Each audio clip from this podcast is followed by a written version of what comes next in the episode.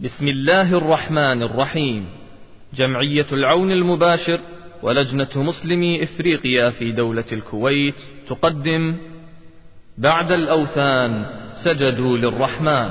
ربنا إننا سمعنا مناديا ينادي للإيمان أن آمنوا بربكم فآمنا.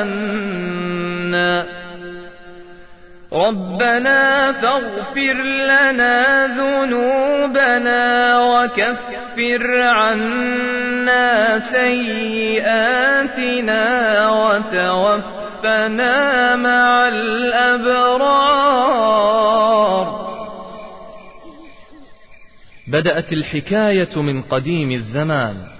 حكاية قوم من دار الإسلام عرفوا الرحمن ووحدوا الديان. ومع مرور الأعوام والأزمان شدوا رحالهم إلى بلاد أخرى إلى إفريقيا. ومع تعاقب الأيام ضلوا وحادوا عن سبيل الإسلام فالقرآن حرف والحرام حلل والحلال حرم. وبدلت فيهم الشريعة بعدما كانت حنيفية سمحاء واليوم بفضل الله سبحانه وتعالى سارت لهم قوافل الدعاة فأقاموا فيهم الصلاة وشيدوا المساجد ورفعوا المنارات حتى دوى فيها عاليا قول الله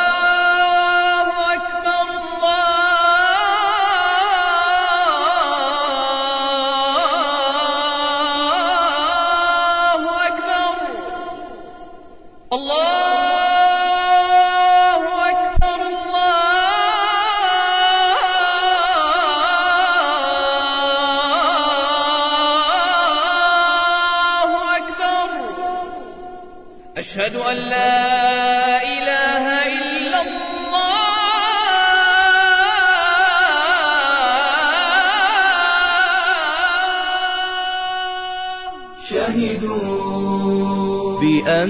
بأنك واحد صمد تركوا أوثان دنياهم وما عبدوا شهدوا بأنك واحد صمد تركوا أوثان دنياهم وما عبدوا شهدوا لا إله إلا الله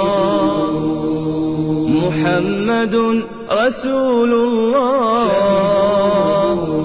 لا إله إلا الله. محمد رسول الله. شهدوا بأنك واحد صمد بعد الأوثان سجدوا للرحمن. دخلنا وكلمناهم وكانت أول مرة يشوفون واحد عربي يدخل إلى قرية مكة. بعد الأوثان سجدوا للرحمن. قلت لهم إيش دينكم؟ فقالوا الحمد لله إحنا مسلمين بروتستانت قلت لهم كيف مسلمين بروتستانت قالوا والله أجدادنا قالوا إننا إحنا مسلمين ولكن ما نعرف شيء عن الإسلام لا صلاة ولا صوم ولا حاجة. بعد الأوثان سجدوا للرحمن. القبيلة هذه اسمها قبيلة الأنتيمور يدعون شفويا أنهم جاءوا من قرية في الشمال اسمها جدة وأن بقرب جدة في قرية ثانية اسمها مكة فيها رجل طيب اسمه محمد. بعد الأوثان سجدوا للرحمن. شعرت أن هؤلاء القبيلة كانها حوالي مليون نسمة أمانة في أعناقنا. يجب أن نعمل لهم شيء. بعد الأوثان سجدوا للرحمن. طبعا ما عندنا القدرة لأن كل الدعاة اللي عندنا هم ست دعاة فقط ونتعامل مع مليون شخص. بعد الأوثان سجدوا للرحمن. فطوبى لعبد جعله مفتاحا للخير مغلاقا للشر وويل لعبد جعله الله مغلاقا للخير مفتاحا للشر. بعد الأوثان سجدوا للرحمن. اجعل جزء من دعائك اجعل جزء من همك لهؤلاء الأخوة وأمثالهم الموجودين في إفريقيا وغير إفريقيا. بعد الأوثان سجدوا للرحمن. تجربة فريدة قامت بها الجمعية في القارة الإفريقية. يرويها لكم الدكتور عبد الرحمن السميط. بسم الله الرحمن الرحيم. الحمد لله رب العالمين. والصلاة والسلام على أشرف الخلق سيدنا محمد وعلى آله وصحبه أجمعين.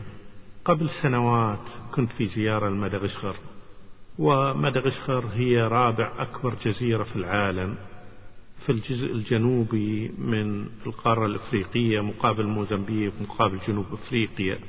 مساحتها 600 ألف كيلومتر مربع. سكانها أتوقع أن في حدود 16 أو 17 مليون نسمة. ومشهورة بزراعة الرز وبتربية الأبقار. الإسلام له تاريخ وجذور في هذه القارة ولكن مع الأسف نسبة المسلمين ما تتجاوز بأي حالة من الأحوال 12% الكنيسة تقول أن نسبة المسلمين 2% والمسلمون يدعون أن نسبتهم 25% أنا شخصيا زرت أغلب الأقاليم ست الأقاليم الموجودة هناك وقضيت فيها فترات طويلة. آخرها أنا جلست خمسة أشهر. أغلب الناس وثنيين ثم نصارى والنصارى ينقسمون أو المسيحيين ينقسمون إلى قسمين كاثوليك وبروتستانت وهناك صراع شديد بين البروتستانت والكاثوليك. ففي إحدى زياراتي في عام 1994 قبل حوالي 12 سنة سمعت بقرية عندهم اسمها مكة. فشدني الشوق إلى أن أسافر إلى مكة. ولكن مدير مكتبنا هناك والدعاة قالوا القضية صعبة. صعبة ليش؟ قال الطريق وعر قلت لهم وصلها أحد قبلي؟ قالوا نعم أهل القرية أكيد واصلينها قبلك. فقلت لهم خلاص أنا مثلي مثل أهل القرية. المهم أن سافرنا بطيارة بوينغ كبيرة مدة ساعة ونص أو ساعتين إلى مدينة اسمها منكارا في ذلك الوقت ما وجدنا سيارة نظيفة تنقلنا إلى قرية اسمها بايوبينو فأجرنا حافلة صغيرة بدون كراسي. جلسنا على الحديد وما كان فيها مفتاح للسيارة. قديمة جدا. وكان الأسلاك الكهربائية يوصلها ببعض وتشتغل السيارة. المهم أن ساعة وصلتنا إلى قرية فيوبين. من هناك عبرنا نهر كله تماسيح. بس أنا مستغرب الحقيقة صار لي مجموع إقامتي هناك أكثر من سنة حتى الآن ما سمعت أن تمساح من تماسيح أكل آدمي. بين مثلا في كينيا نهر تانا مو نهر تانا كله. لو أخذنا بس قرية اسمها قريسة كل أسبوع كنا نسمع أن التماسيح أكلت واحد من المسلمين الموجودين هناك. طبعا البلدة هذه كلها مسلمين. فمستغرب أن معروف أن في مدغشقر كل الحيوانات ما هي مضرة.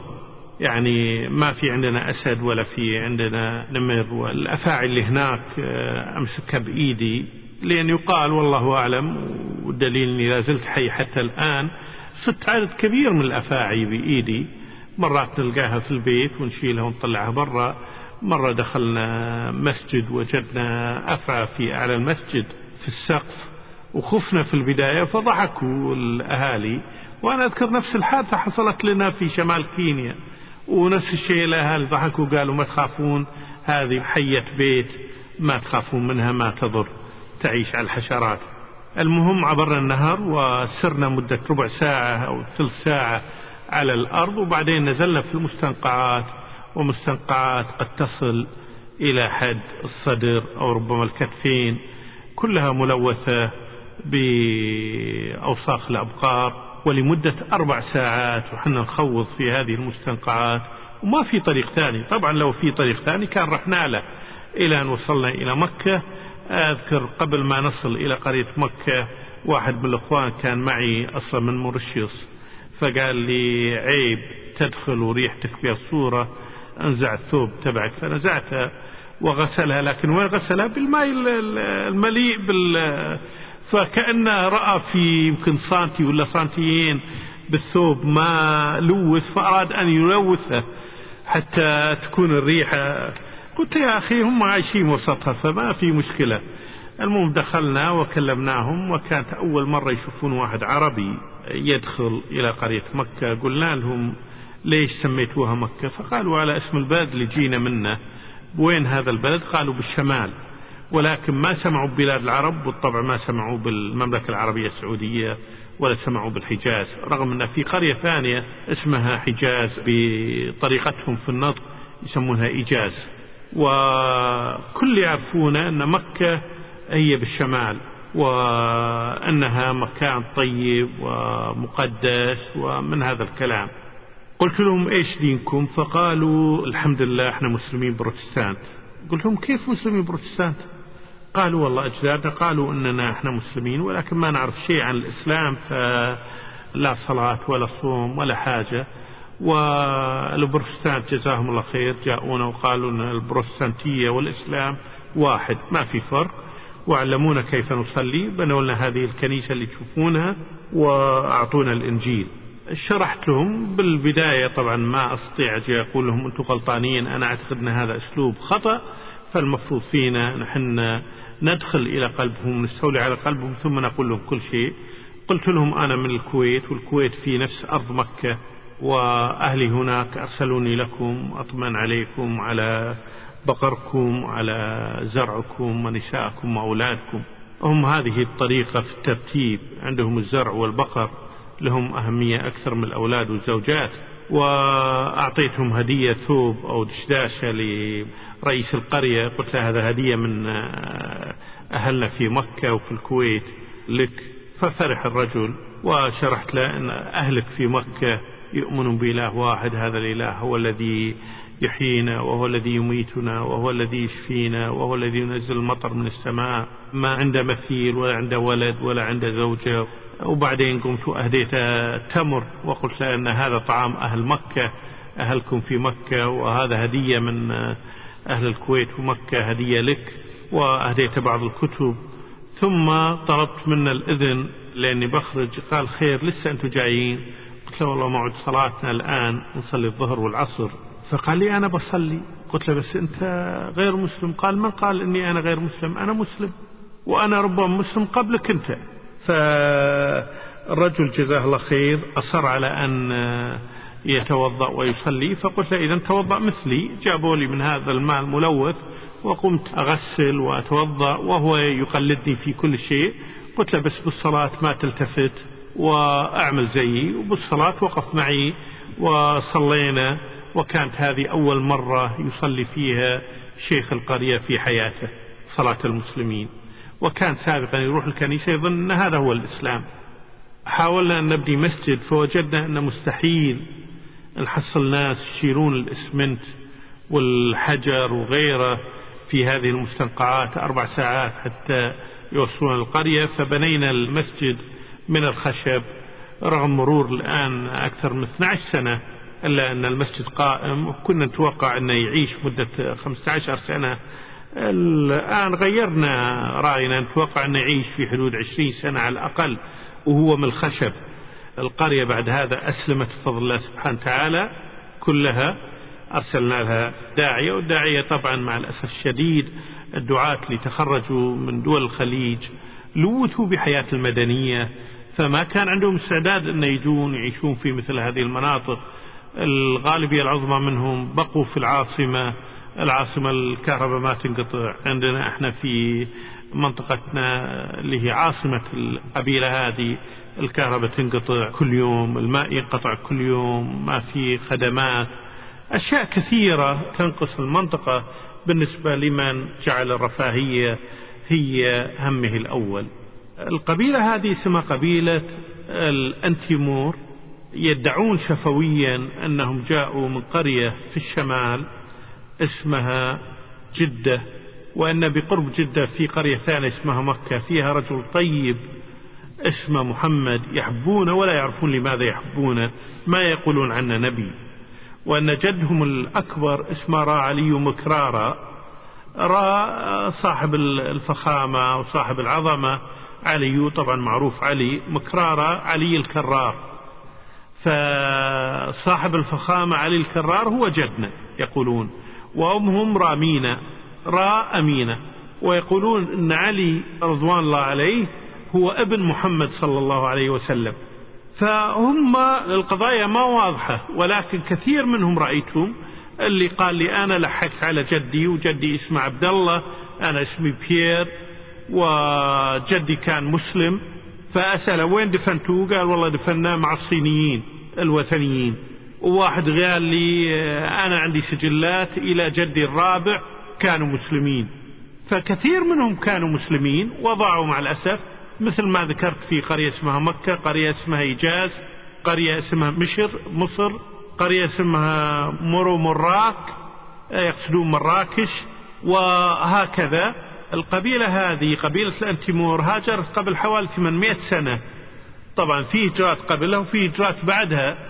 جاءوا إلى مدغشقر ربما لأسباب سياسية غير مستقرة في المنطقة آنذاك. وجاءوا استقروا هناك وشوي شوي فقدوا هويتهم مع الأسف الشديد وضاعوا. والآن لا هم مسلمين ولا يعرفون العربية.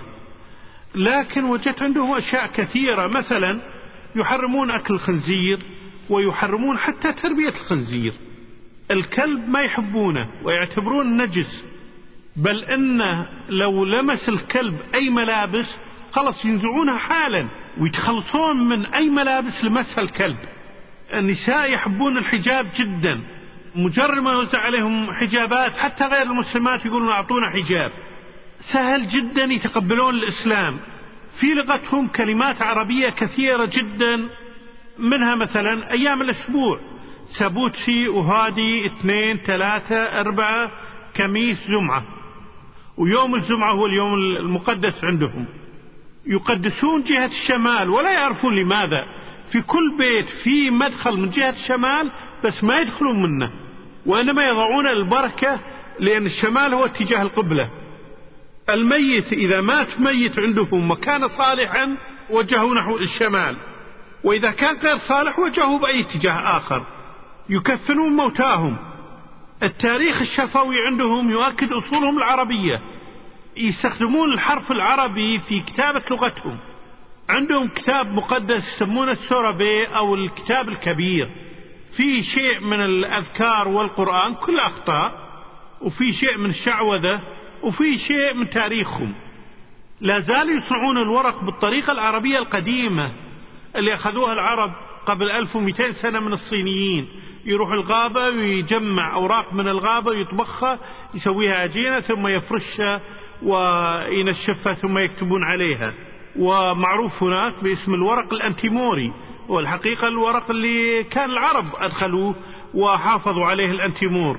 عندهم الآن الغالبية العظمى منهم أصبحوا وثنيين مثقفين أصبحوا مسيحيين. البيت الملكي دائما مدخل من الشمال ولكن ما يسمحون بأحد يدخل من الشمال وإنما من مداخل الغربية أو الشرقية. يرفضون ويقاومون الأديان الأخرى. وجد عملات عربية وإسلامية قديمة ووجد آثار إسلامية في كثير من المواقع خاصة في شمال المنطقة.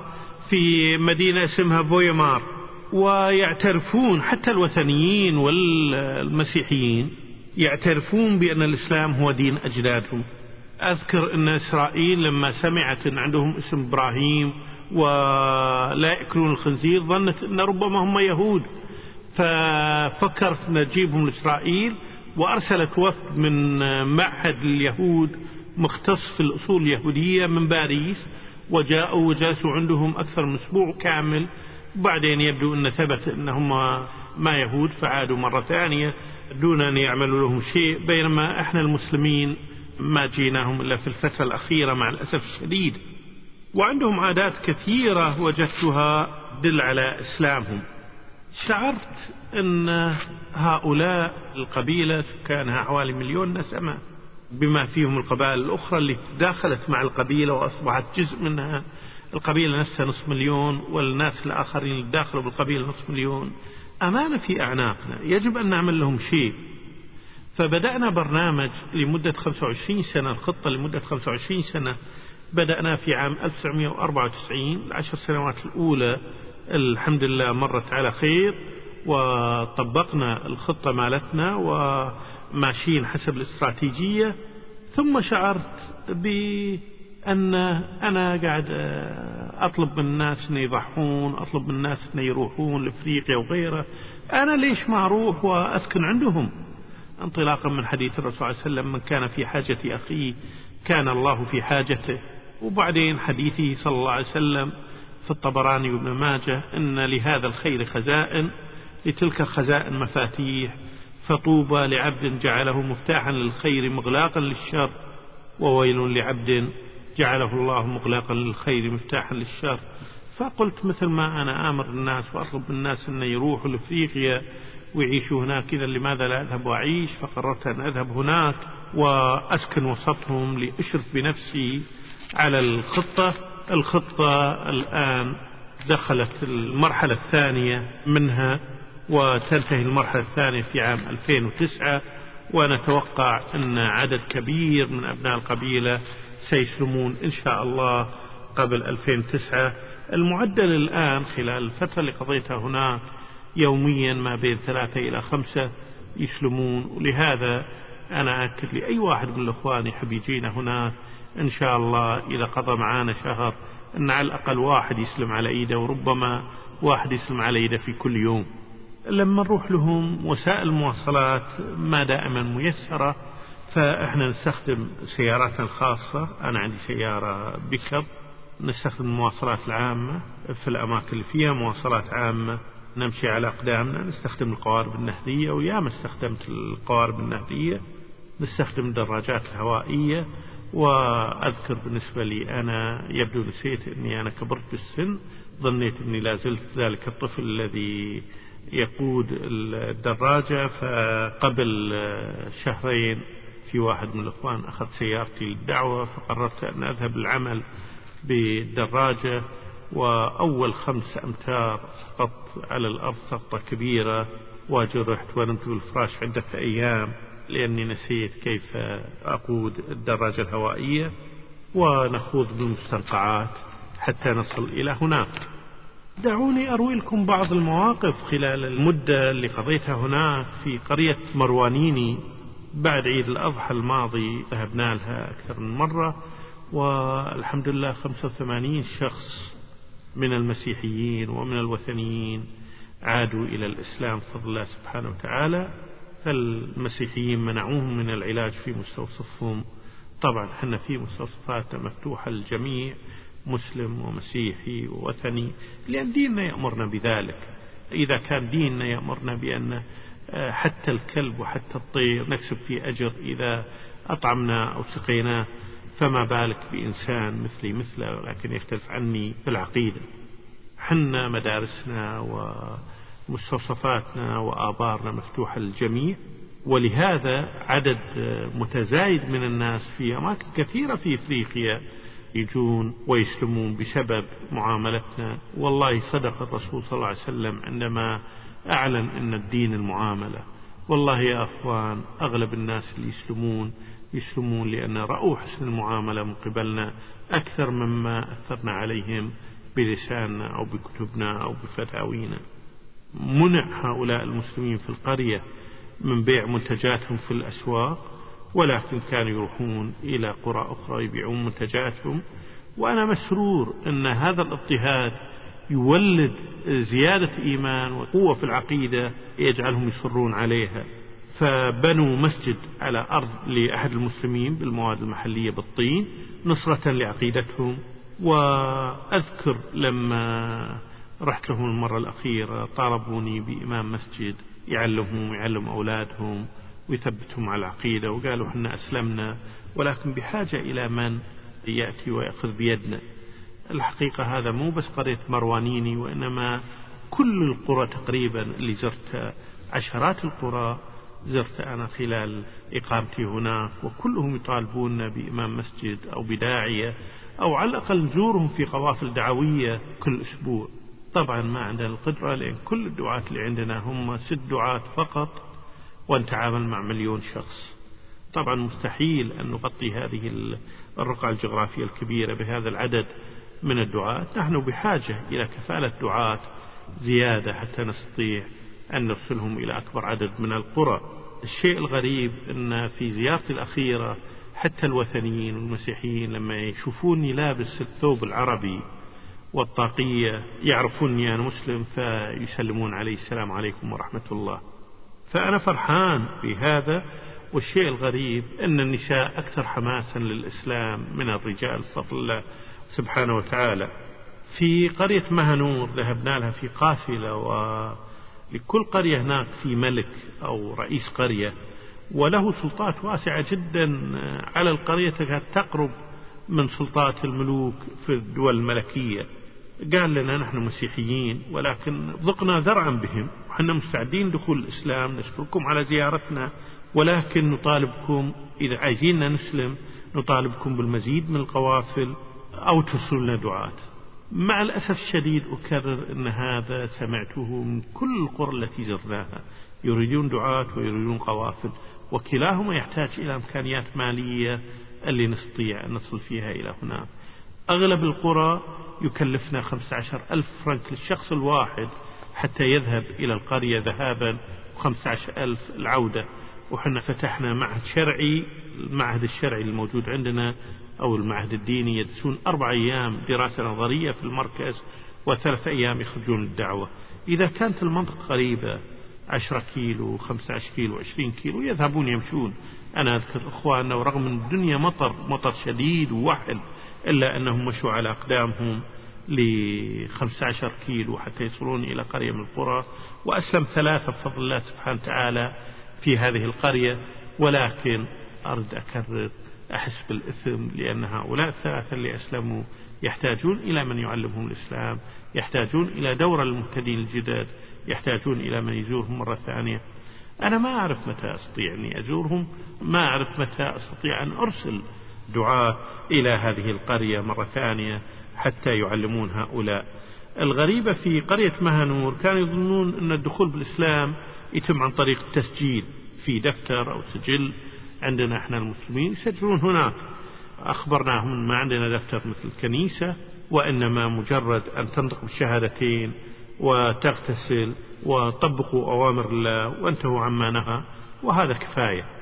ففرحوا هم والملك عندما أنهينا القافلة كرر مرة ثانية أرجوكم أرجوكم إحنا مسيحيين وإحنا مستعدين نسلم ونحن قريبين جدا من الإسلام ولكن نريدكم أن تزورونا مرة ثانية.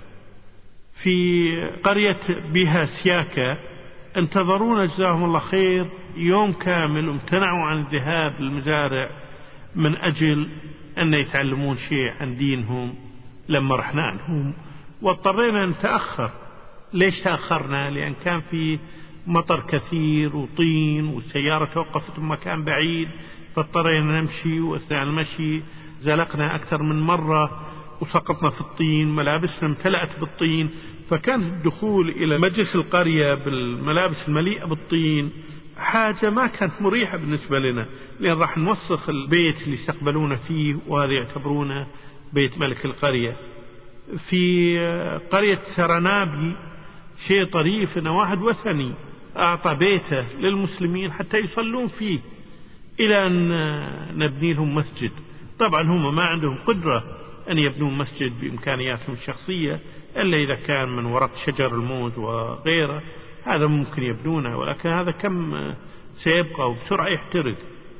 في قرية تنبوري القرية كلهم غير مسلمين والملك غير مسلم ولكن لما رحنا لهم وكلمناهم عن الإسلام كان الجميع حاضر ومستانسين جدا طلبونا نحن نرجع وقبل أن نغادر جاء ثلاثة وأعلنوا إسلامهم أمام القرية بفضل الله سبحانه وتعالى. لقناهم شهادتين وعلمناهم مبادئ الإسلام تركنا عندهم كتيبات باللغة المحلية عن الصلاة والصوم وأركان الإيمان الستة وأركان الإسلام الخمسة وغير هذا. في قرية من القرى اسمها أمبلا كزاها ربع القرية مسلمين وربعها مسيحيين ونصها وثنيين. تألمت وبكيت بالحقيقة عندما رأيت ثلاث مسلمات يحافظون على الصلاة في المسجد رغم أن ما يملكون ثياب تسترهم. كانوا يلبسون الشوالات البلاستيكية الفارغة اللي يضعون فيها الذرة أو الرز أو غيره حتى تستر عوراتهم وتغطيهم وكانوا يصلون الصلوات الخمس في المسجد. لله درهم اللي رغم فقرهم ورغم جهلهم ورغم بعدهم عن المراجع الإسلامية وعن العلماء وعن الدعاة وعن غيره محافظين هذه المحافظة على صلاتهم في المسجد. الله يجزيهم خير. العين تدمع عندما رأيتهم. جايين هم لابسين الشوالات أو الخياش.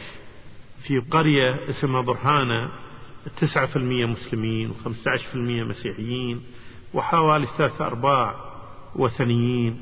قالوا لنا قالوا لنا إحنا مستعدين نسلم ولكن كم ستبقون عندنا؟ قلنا لهم يومين. قالوا يومين؟ ما ممكن إحنا نفهم دين جديد بيومين. إحنا نريد عشرين يوم على الأقل. حتى تفهمونا الإسلام. فقلنا لهم ما نستطيع عشرين يوم. قالوا متى ما صار عندكم وقت أو متى ما صار عندكم إنسان تستطيعون ترسلون لنا ويجلس عندنا عشرين يوم إحنا نخبركم بأن إحنا مستعدين نسلم لأن إحنا ملينا من العادات ومن تقاليد الموروث إنسان تستطيعون ترسلون لنا ويجلس عندنا عشرين يوم إحنا نخبركم بأن إحنا مستعدين نسلم لأن إحنا ملينا من العادات ومن التقاليد الموروثة. ونؤكد لكم أن ما في بديل للإسلام ونناشدكم كذلك أن تبنون لنا مسجد. قلنا لهم كيف نبني مسجد وأنتم ما أسلمتوا حتى الآن؟ قالوا ما إحنا نقول لكم ابنوا مسجد وارسلوا لنا داعية وأغلب أهل القرية إن شاء الله يسلمون.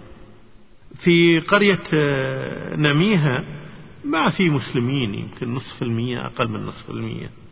المسيحيين حوالي 15% والباقي وثنيين. لما أسلم بعض الناس كانوا خايفين جدا أن إذا أسلم ربما يجيب الإسلام وإذا جاب الإسلام بنوا مسجد ربما القرية كلها تصير ملك المسلمين. فاجتمعت القرية وقررت أن تفرض غرامة خمسين ألف فرنك ملقاشي على كل شخص يدخل الإسلام. فذهبنا هناك واستطعنا أن نزيل الهيبة من دخول الإسلام وأقنعنا الأهالي أن يزيلون هذه الغرامة وإن شاء الله نأمل بإذن الله أن الغالبية العظمى من أهالي هذه القرية سيسلمون في يوم من الأيام. أنا متأكد لو درنا بالنا عليهم وأرسلنا لهم دعاة أرسلنا لهم كتيبات وبنينا مسجد ما أظن يقاومون شهر شهرين تسلم القرية كلها. ولكن المشكلة نقص الدعاة. الدعاة موجودين ولكن دعاة وراهم عائلات وراهم أطفال يريدون أن يعيشون. فلذلك لابد من دفع رواتب لهم. ومشكلتنا هي في قضية الرواتب. الداعية الواحد يكلفنا في حدود خمسين دينار أو ستمائة ريال بالشهر أو ممكن الإنسان يتبرع بوقف إلى الأبد إن شاء الله. من ريع الوقف نخصص لداعية مخصص ونرسل تقرير باستمرار كل سنة عن هذا الداعية الوقف هذا يكلف ستة ألاف دينار كويتي أو 72 ألف ريال سعودي أو ما يعادلها.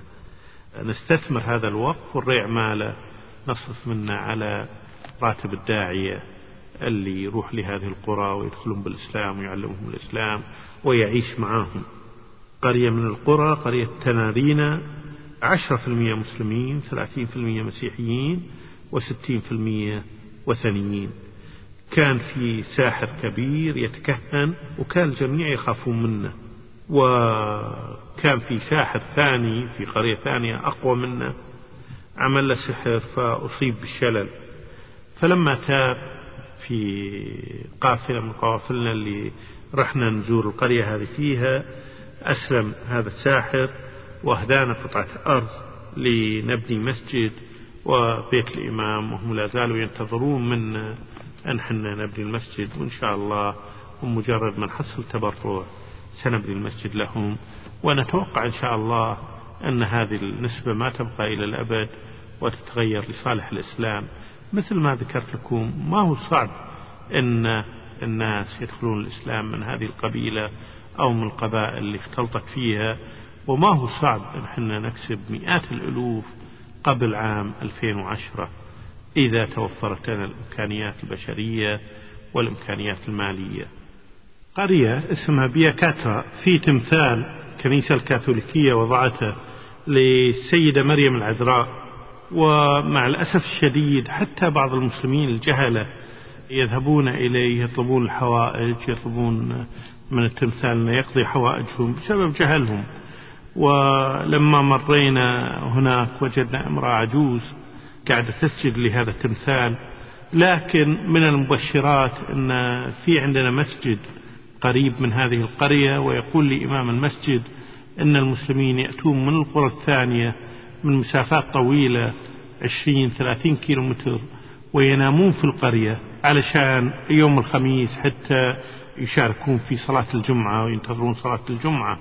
وهذا بالحقيقة شيء يدخل السرور أن الناس عندهم هذا الحماس رغم أن هم مسلمين جدد. في قرية أمبا باندرا مسؤول القرية أو ملك القرية قال لنا والله ما كنت أتصور أن الله يحقق رغبتي في الدخول بالإسلام بهذه السهولة. قال إن كنت أظني راح أتعب وراح أدفع فلوس حتى يقبلوني بالإسلام. ولكن الله أرسلكم لي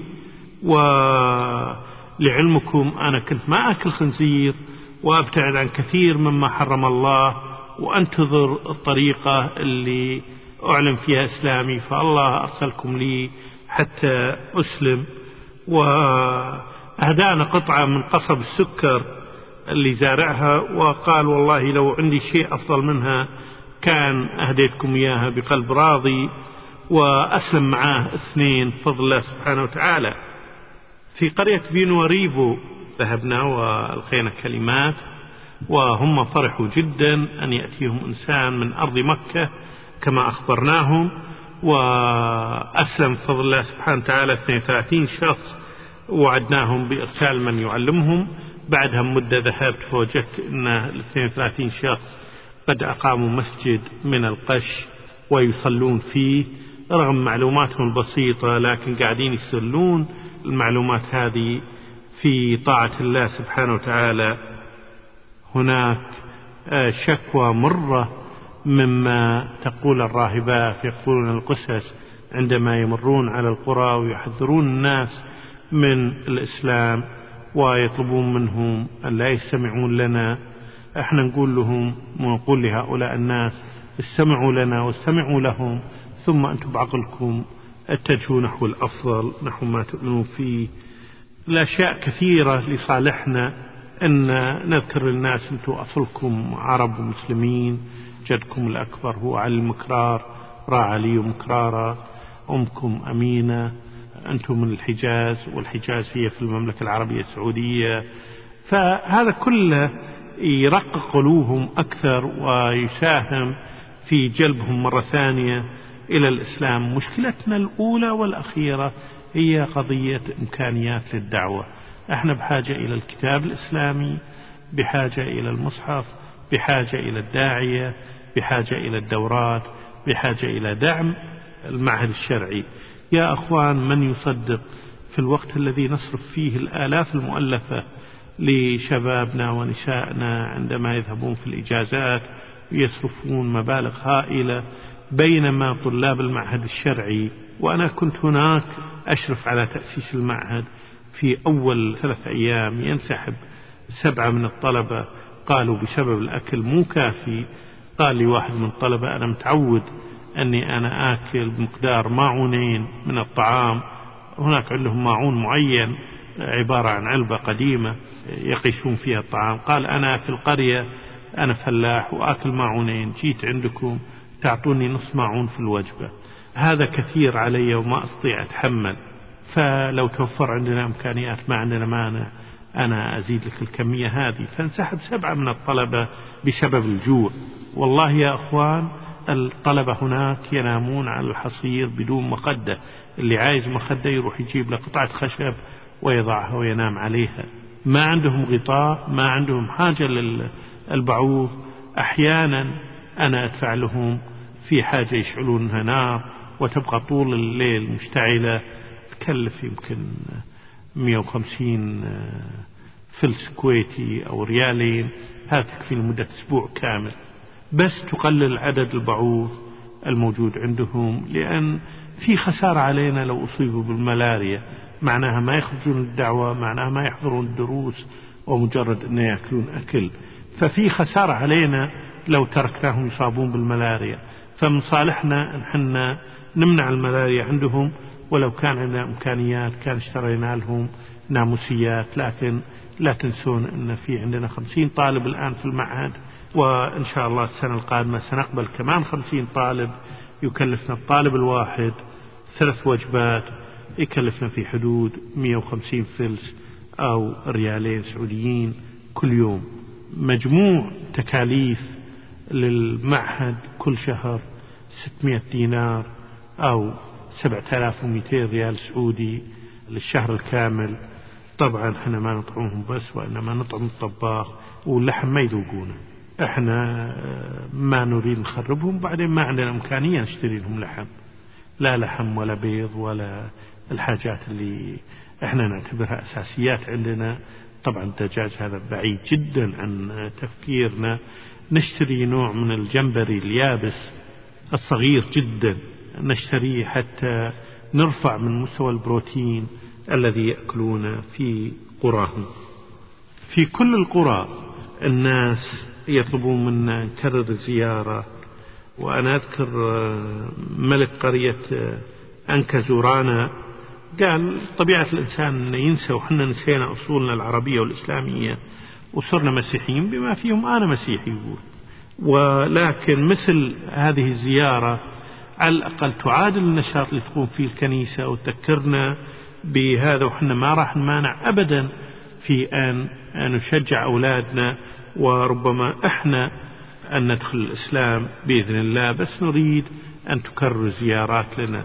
يا أخوان القافلة الواحدة ثلاث أيام تكلفنا يمكن في حدود 150 دينار كويتي أو حوالي 1800 ريال سعودي. طريف في قرية اسمها محافيلو. جاني شخص وقال لي أنا متزوج من تسع سنين وما الله رزقني ولد فجاي أطلب منكم تعملوا لي سحر ودفع لي مبلغ من المال. فقلت له ليش المبلغ وليش السحر؟ قال لي أنكم أنتم المسلمين مشهورين بالسحر وهذا مقابل ما تعمل لي من سحر فقلت له إحنا كمسلمين حرام عندنا السحر ولكن أنا أدعو لك الله سبحانه وتعالى وأريدك أن تدعو الله سبحانه وتعالى أنت بنفسك ولعل الله سبحانه وتعالى يرزقك الذرية الصالحة ففوجئت بهذا الرجل يسلم فضل الله سبحانه وتعالى ولما سألت عنه بعد عدة أسابيع سمعت أنه لا زال على الإسلام لا زال مصلي صايم بفضل الله سبحانه وتعالى وشارك في إحدى الدورات التي عقدناها في قريته. في قرية من القرى فتاة عمرها 19 سنة جت بزي إسلامي وتكلم معانا حتى الناس المحليين الدعاة اللي معانا ما استطاعوا يفهمون منها لأنها تتكلم برعشة. قالت أنها سمعت موعظة في زيارة سابقة وأثرت فيها وعندها أسئلة كثيرة تريد أن تعرف آه، إجابتها سألتنا وأجبناها. قالت أركان الإسلام شرحتوها المرة الماضية وما فهمت زين. هل بالإمكان تعيدون شرحكم؟ فشرحنا لها. وراحت ورجعت في اليوم الثاني. كانت قد اغتسلت وطلبت منا أن نعلن الشهادتين أمامنا.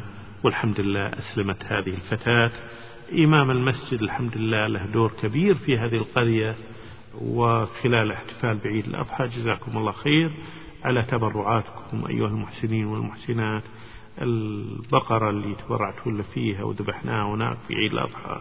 جعلناها مناسبة لاجتماع جميع الناس مسلمين وغير مسلمين في هذه القرية.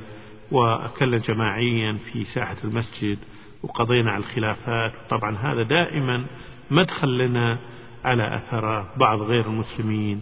يعلنون إسلامهم لما يشوفون الدور الكبير الذي يلعبه الإسلام في إحلال السلم والسلام في قريتهم في منطقتهم.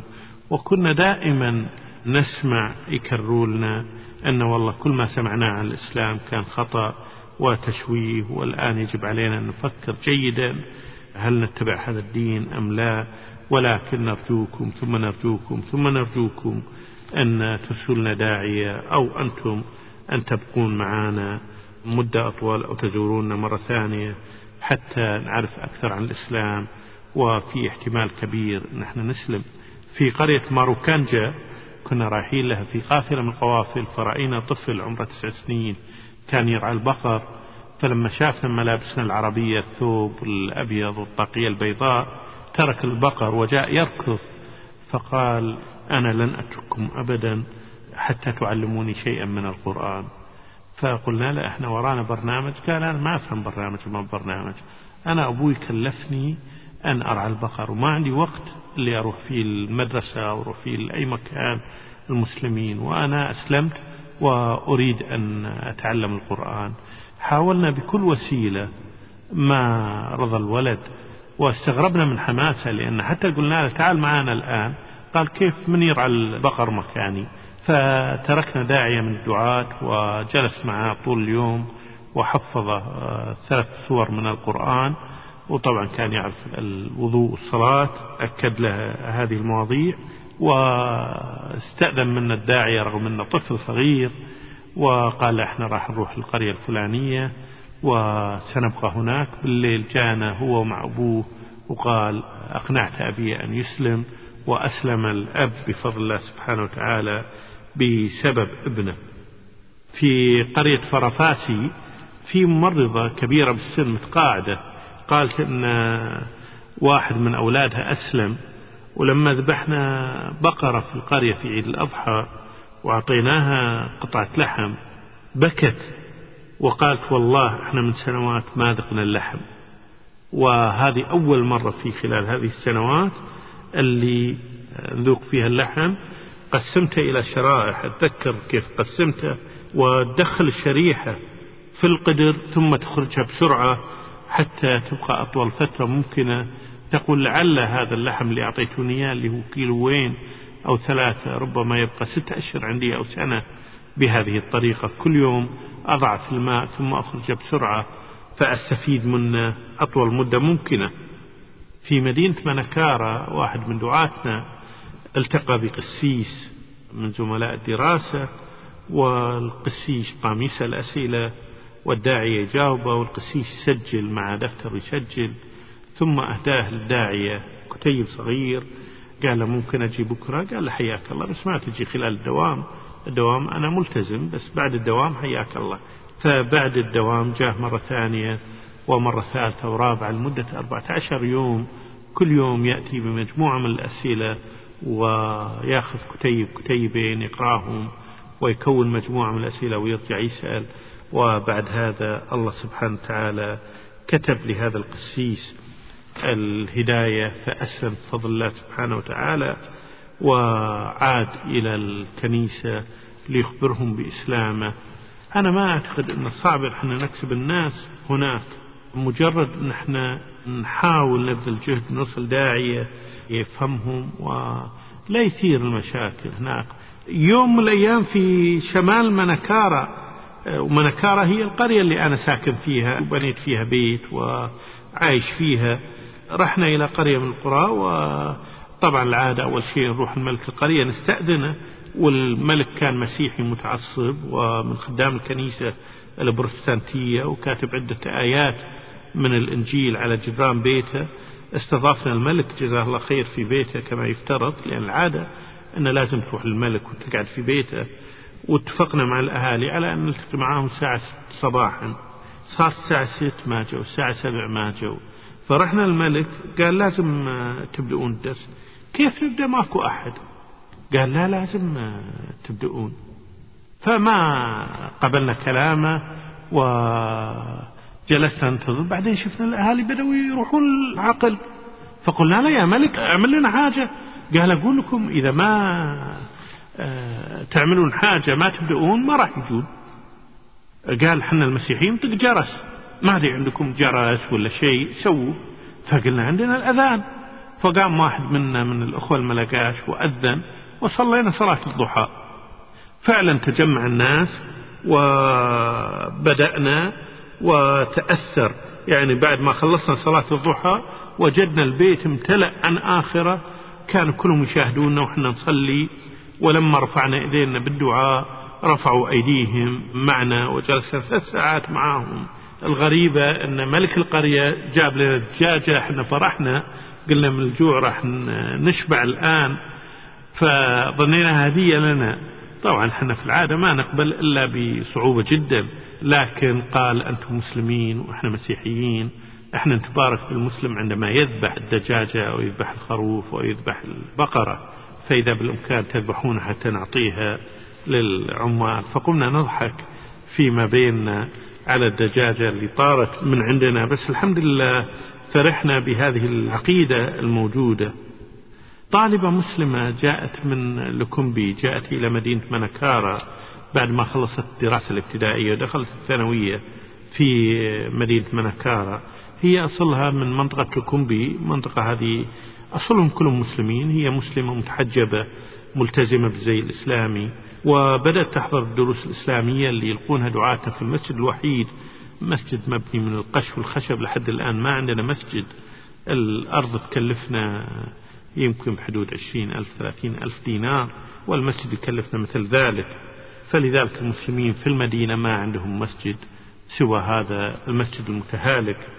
فوجئت الطالبة هذه بأن عميد المعهد يناديها ويطلب منها عدم الحضور لأنها مطرودة لأنها تلبس الحجاب.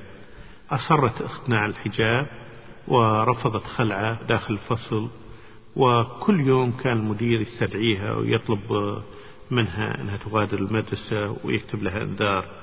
وهذا ما زادها إلا إصرار على التمسك بزيها شكلنا لجنة من إمام المسجد وأحد الأولياء المسلمين وبعض الخريجين المسلمين راحوا قابلوا العميد. أبدا ما غير العميد. راية وأصر على أن أما الحجاب وأما ما تدرس. لأن لائحة المدرسة تمنع الرموز الدينية. طبعا ما في لائحة مدرسة ولا شيء. فالبنت قالت للمدير أمامنا قالت لائحة ربي أقوى من لائحتكم الداخلية وغادرت المعهد. جزاه الله كل خير بعد أن رفضوا أن تكمل السنة الأولى الثانوية.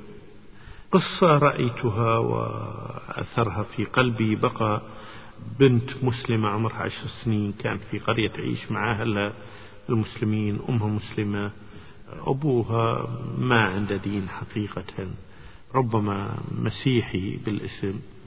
لكن ما يزاول أي شيء بالدين. لكن أمها كانت محافظة على الدين وأجدادها لأمها محافظين على الدين. عاشت في القرية تعلمت مبادئ الإسلام حفظت قصار صور تلبس الملابس الإسلامية. جت إحدى عماتها للقرية لزيارتها وبقت عندهم ثلاث شهور وأظهرت إعجابها بأخلاق البنت وسلوكها وتربيتها. فطلبتها من أمها حتى تسافر معها المدينة. الأم رفضت فكلمت أخوها الكبير بعد مدة وبعد الحاح وافق الأخ الكبير لأن أبوها ما كان موجود. كان موجود في مدينة ثانية فأخذت البنت معاها إلى منطقة منكارا فوجئت البنت أن من أول ما وصلت اختفت ملابس عمتها أخفت الملابس وجدت ملابس جديدة عبارة عن مايكرو جوب ملابس قصيرة جدا وبنطلونات قصيرة فاضحة. البنت رفضت جلست في البيت يوم يومين ثلاثة. بعدين كان لابد أن تخرج وهي بنت صغيرة وما تستطيع أن تهرب. بعدين بدأت تمنعها من الصلاة قامت تصلي وهي على السرير قبل النوم. أجبرتها على أن تخرج مع بناتها للحفلات الراقصة ولغيرها. وأجبرتها أن تذهب للكنيسة كل يوم أحد. وأجبرتها على أن تأكل لحم الخنزير. ما في لحم ما في طعام غير لحم الخنزير. طبعا استمرت خمس سنوات. المسكينة هذه بملابس الشورت والتنورة القصيرة جدا الفاضحة وكل ليلة تبكي وتبكي وتصلي وهي مستلقية على الفراش حتى ما تحس فيها عمتها. تمنى الهرب إلى قريتها. ما في فائدة إلى أن أحيل الأب إلى التقاعد. فأتى إليها يزورها فكأنما هي طير كانت في قفص وأمسكت بأبيها وقالت له ما ممكن لا أروح معك وفعلا عادت معه وعادت مسلمة أكثر مما كانت من قبل وتزوجت مسلم وتقول لهذه البنت وهي تبكي قالت دموعي وبكائي ما راح خسارة أحمد الله وأشكره أن استجاب لدعائي في كل ليلة وأنقذني من حياة الجحيم ولله الحمد والشكر. أخواني القصص كثيرة جدا لكن الوقت يداركني إحنا هناك عندنا ما يقارب من 400 يتيم كل يتيم من قرية من القرى يعيشون في المركز تبعنا. نعلمهم القرآن نعلمهم مبادئ الإسلام ندربهم حتى على صلاة التهجد بالنسبة للأيتام اللي أعمارهم كبيرة بعض الشيء أعمارهم تسع سنين وغيره بعد تسع سنين يخرجون للدعوة مع دعاتنا ويمشون على أقدامهم مسافات إلى القرى. واحد من أيتامنا عمره تسع سنين. أسلموا أربعة على يديه فضل الله سبحانه وتعالى رغم عمره الصغير. خلال فترة الصيف يتيم من أيتامنا عمره ثمان سنين. ذهبت إلى قريته فوجدته هو إمام المسجد لأن هو عنده علم أكثر من أي إنسان آخر في الدين. فجعلوا إمام المسجد وجعل اليتيم الآخر مؤذن المسجد. واحد من المهتدين الجدد حضر ثلاث دورات عندنا. وبعدها بدأ يعمل في الدعوة وأسلم على إيده 900 شخص مهتدي آخر حفظ 15 جزء من القرآن خلال سنتين مهتدي ثالث حضر بعض الدورات وأسلمت خمس قرى على يديه. والقصص كثيرة جدا بفضل الله سبحانه وتعالى. إحنا بحاجة إلى أن نقف مع أخواننا هناك. إحنا أوجدنا وقف سمينا وقف القبائل الضائعة وقف المسلمين الضائعين. وإذا كانت هذه القبيلة مليون فعندنا قبيلة البرمبا في زيمبابوي قبيلة الغبرة والبورانا في شمال كينيا والماساي في كينيا والقريامة في كينيا وقبائل كثيرة مثل هذه تحتاج إلى دعوة. وبدل ما أنا أجمع فلوس لكل مشروع أنا أطلب المساهمة في هذا الوقت اللي ريعه إن شاء الله سيكون للمسلمين الضائعين. السهم الواحد في هذا الوقت هو 100 دينار كويتي أو 1250 ريال سعودي أو 300 وشوية دولار أمريكي ونأمل إن شاء الله أن حنا نجمع مبلغ الوقف خلال هذا العام إذا الله سبحانه وتعالى وفقنا. ونأمل كذلك أن نجد مزيد من الأخوة اللي يكفلون بعض الدعاة أو يوقفون أوقاف على الدعاة وقف الداعية هو 6000 دينار كويتي أو 72 ألف ريال سعودي. هذا نستثمره ومن ريعه ندفع راتب الداعية الذي نأمل أن يفتح الله سبحانه وتعالى على يديه ونرى هذه القبيلة كلها وقد عادت إلى الإسلام مرة ثانية بعد أن فقدت الإسلام لعدة عقود ونست دينها ونست عربيتها. وأعتقد أن واجب علينا مو بس نشر الدعوة وإنما على الأقل نذكرهم هؤلاء أخواننا وكانوا عايشين في الحجاز. والآن كتب الله سبحانه وتعالى لهم أن يهاجروا خلال 800 سنة الماضية إلى جنوب شرق مدغشقر وهم بحاجة لي ولك. الغالبية العظمى منهم ما رأت كتاب إسلامي. الغالبية العظمى منهم ما رأت شخص عربي مسلم. خلوني أقول لكم أن في المركز اللي أنا عايش فيه يوجد عندنا مئة يتيم. وموجود عندنا خمسين طالب وأكثر من مية من العاملين. لا يوجد في مسجد المركز مصحف واحد غير مصحفين هي مصاحفي الشخصية أهديتهم للمسجد. لا تجيبوا لي مصاحف يا أخوان. تكلفة إرسال المصحف من الكويت بالبريد يكلفني دينار ومئة فلس أربعة عشر ريال. بينما طباعة مصحف في بيروت مع تكاليف إرساله واصل إلى مدغشقر يكلفني أقل من دينار.